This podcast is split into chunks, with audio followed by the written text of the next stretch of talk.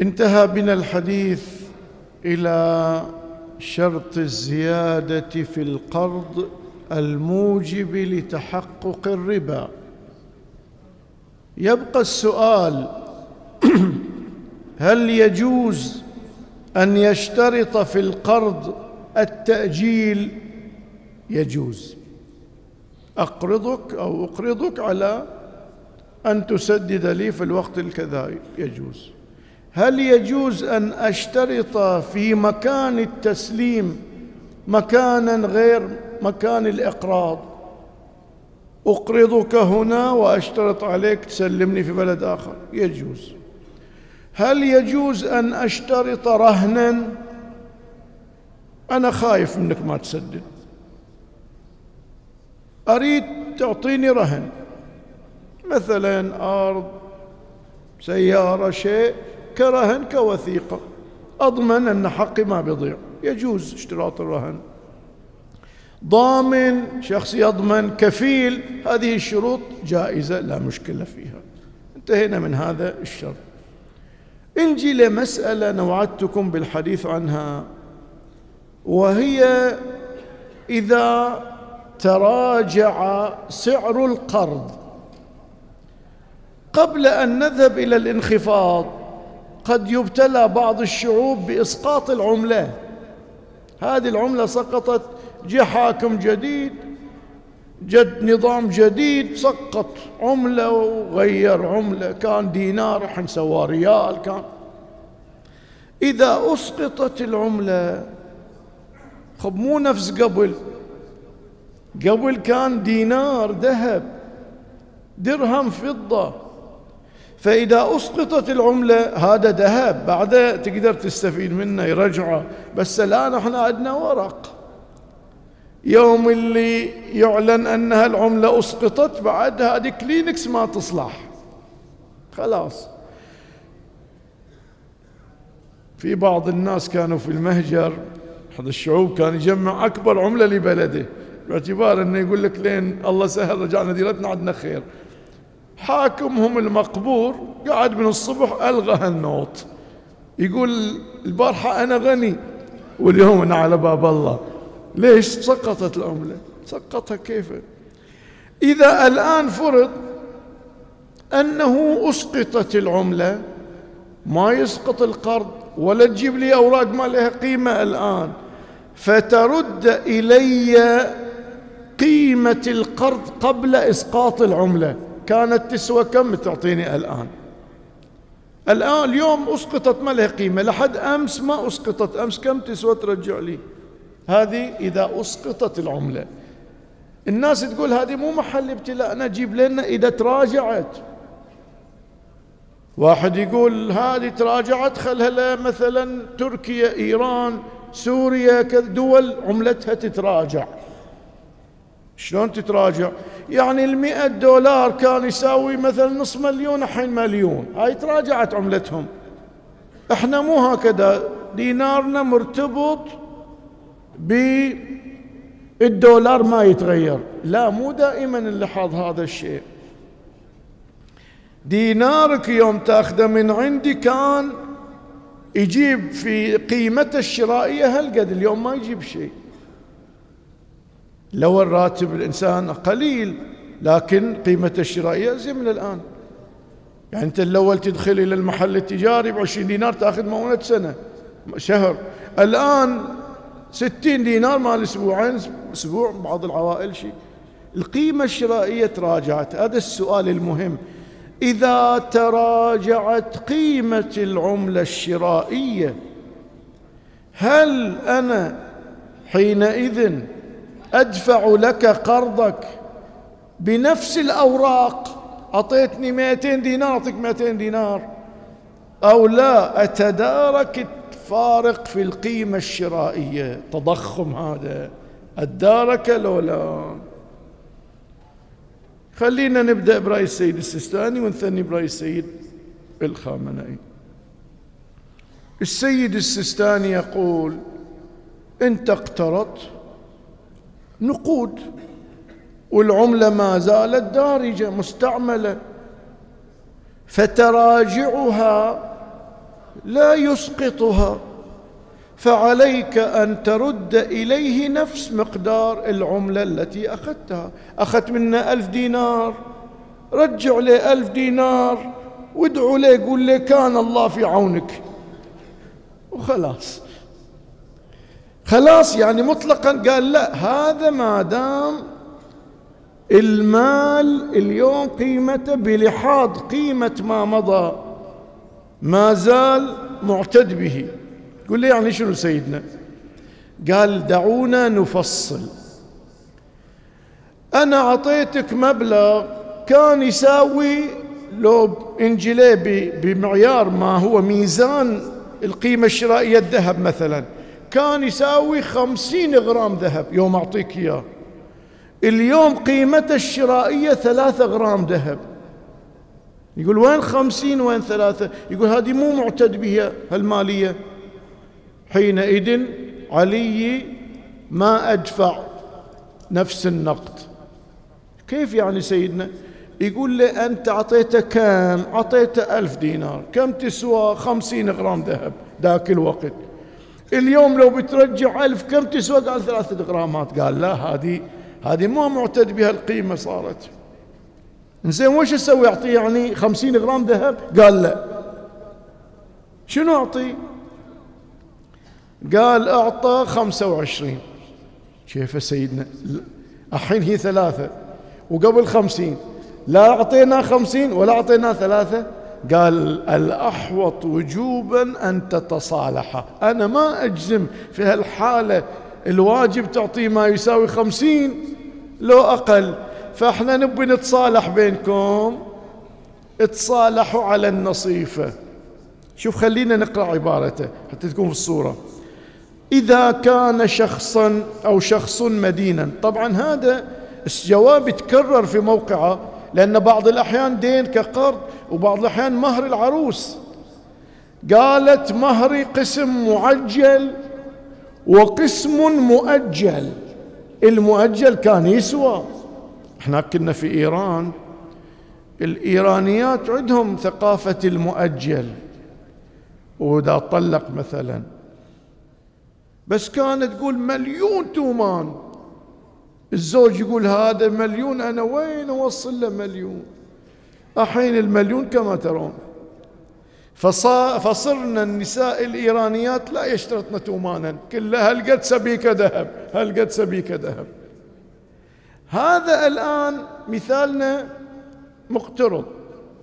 إذا كان شخص مدينا لأحد بمبلغ من النقود في الزمان السابق ويروم تسديده حاليا بعد مضي فترة طويلة.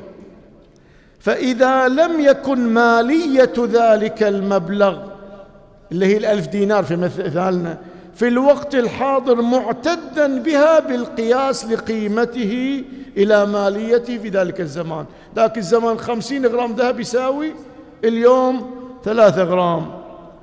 قال كخمسة بالمئة مثلا. يساوي الآن قيمة الشراء قيمته بلحاظ مقياس المال كالذهب خمسة بالمئة.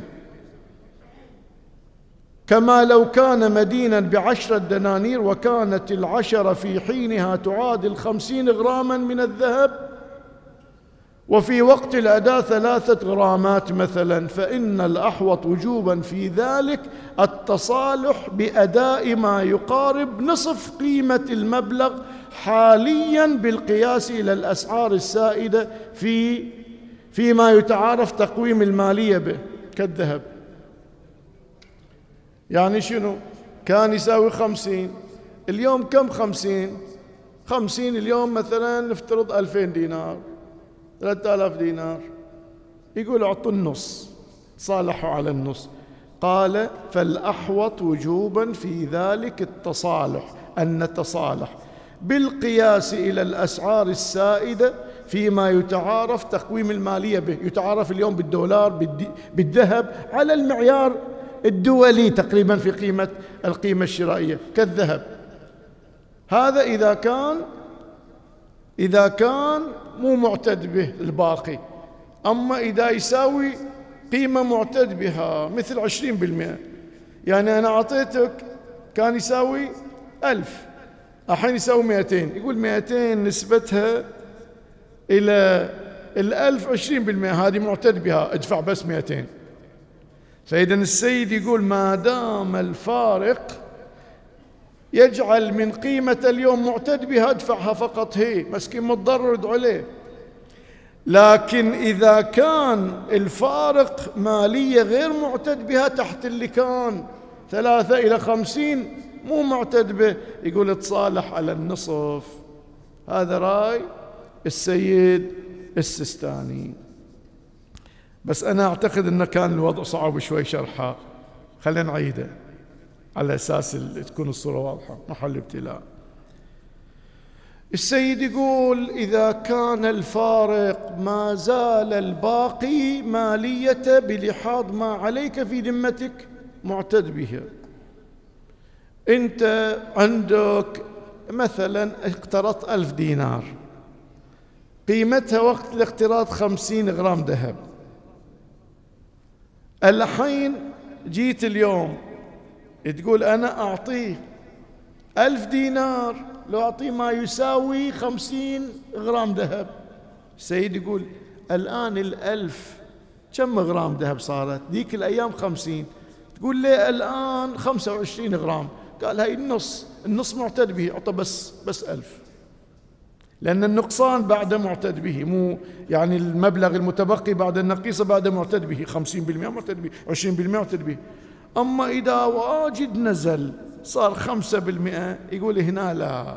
هنا نطلب منك تتصالح على النصيفة. على أساس على أساس إحنا ما نجزم حقه لحاض الذهب لو لحاض الدينار. فاسأل احتياطية عندي بترجع لغير ارجع. بس تبي مراي أنا احتياط على النصيفة تصالحوا. هذا السيد السيستاني. نعيد قراءة عبارته حتى تكون في الصورة. إذا كان شخص مدينا لأحد بمبلغ من النقود في الزمان السابق ويروم تسديد حاليا بعد مضي فترة طويلة فإن لم يكن مالية ذلك المبلغ في الوقت الحاضر معتدا بها بالقياس المالية السابقة ثلاثة إلى خمسين غرام. يقول هذه تقريبا ستة بالمئة. ثلاثة إلى الخمسين ستة بالمئة. ستة بالمئة مو عشرين بالمئة هاي مو معتد بها. يعني فارق كبير المالية مو معتد بها. كأنها سقطت. شوف النصف ادفعه شوف نصف قيمة الذهب وادفعه قال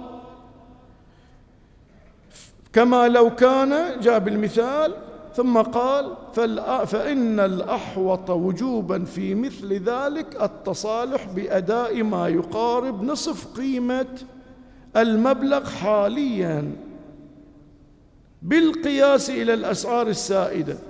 اليوم الأسعار السائدة الذهب الذهب المعيار خمسين تصالحوا على النصيفة. هذا السيد السيستاني. السيد الخامنائي سألناه سؤال بل سؤالين. قلنا ليه إذا صار تفاوت في قيمة؟ أنا أعطي الفارق أنا المقترض أعطي. ثم أي فارق سيدنا؟ بلحاظ الدولار. لو بلحاظ القيمة الشرائية مثلنا في البحرين دينارنا والدولار ما تغير. من زمان هذا 387 أو 78 هذا ما تغير. لكن قيمة الشرائية سقطت. قال بلحاظ القيمة الشرائية. تدفع. أدفع مطلقا؟ قال تدفع. إلا إذا اشترطت اشترطت في العقد أن نعطيك نفس اللي أخذت. هل شوف هاي مسمع عليه دينار مملكة البحرين أرجع عليك نفسه حاضر. إذا اشترطت رجع نفسه إذا ما اشترطت ترجع. القيمة اللي تراعي فيها التفاوت في القيمة الشرائية اليوم. إذا السيد خامنئي ما جعل لنا المسألة نفس السيد السيستاني قال لا الأصل أن تغرم ليه التفاوت في القيمة الشرائية. إلا إذا اشترط الإسقاط أو كانت قرينة موجودة على أنك ترجع له بس هذا إذا ما في قرينة وما اشترط لازم تغرم له التفاوت في القيمة الشرائية. زين إذا فتحنا باب التفاوت القيمة الشرائية نضبطها؟ واحد يقول أنا ترى ولي صار لي بدل الألف ألف وسبعمية. قال لا ألف وستمية. شوف أنت الكيلو شو ويختلفون في هذه. يقول إذا اختلفوا في التشخيص يتصالحون. لأن دي ساعات صعب ضبطها القيمة الشرائية. الدولار معروف تشوف المواقع وتشوف الصراف وده. لكن القيمة الشرائية ضبطها بعض الأحيان صعب. فيقول من حقه عليك أن أن تعطيه الفارق ولكن إذا حصل التباس في تحديده فالصلح. أنا أعتقد أن المسألة شوية كانت صعبة لكن محل ابتلاء. لأن بعض المهور هكذا بعض القروض البعيدة الزمن يقول أنا أخذت منه. هلقى يعني يوم من الأيام واحد أخذ من تاجر كان يشتغل عنده أكل في الدكان بقيمة 20 دينار. راح للتاجر قال له تبي أبرد ذمتك 200 التاجر تعلل. تعرف ال 20 دينار ذاك الوقت وذاك الوقت؟ فإذا كان التقليد السيد الخامنائي يقول تعال شوفوا القيمة الشرائية وكذا وكذا. إذا نحتاج للمسألة. وإن شاء الله الأسبوع القادم أبدأ بتلخيصها بطريقة أبسط. لأن اليوم شعرت أن أنا ما أعطيتها الحد الكافي. أبدأ بتلخيصها لننطلق لغيرها. والحمد لله رب العالمين. وصل اللهم على محمد وآله الطيبين الطاهرين.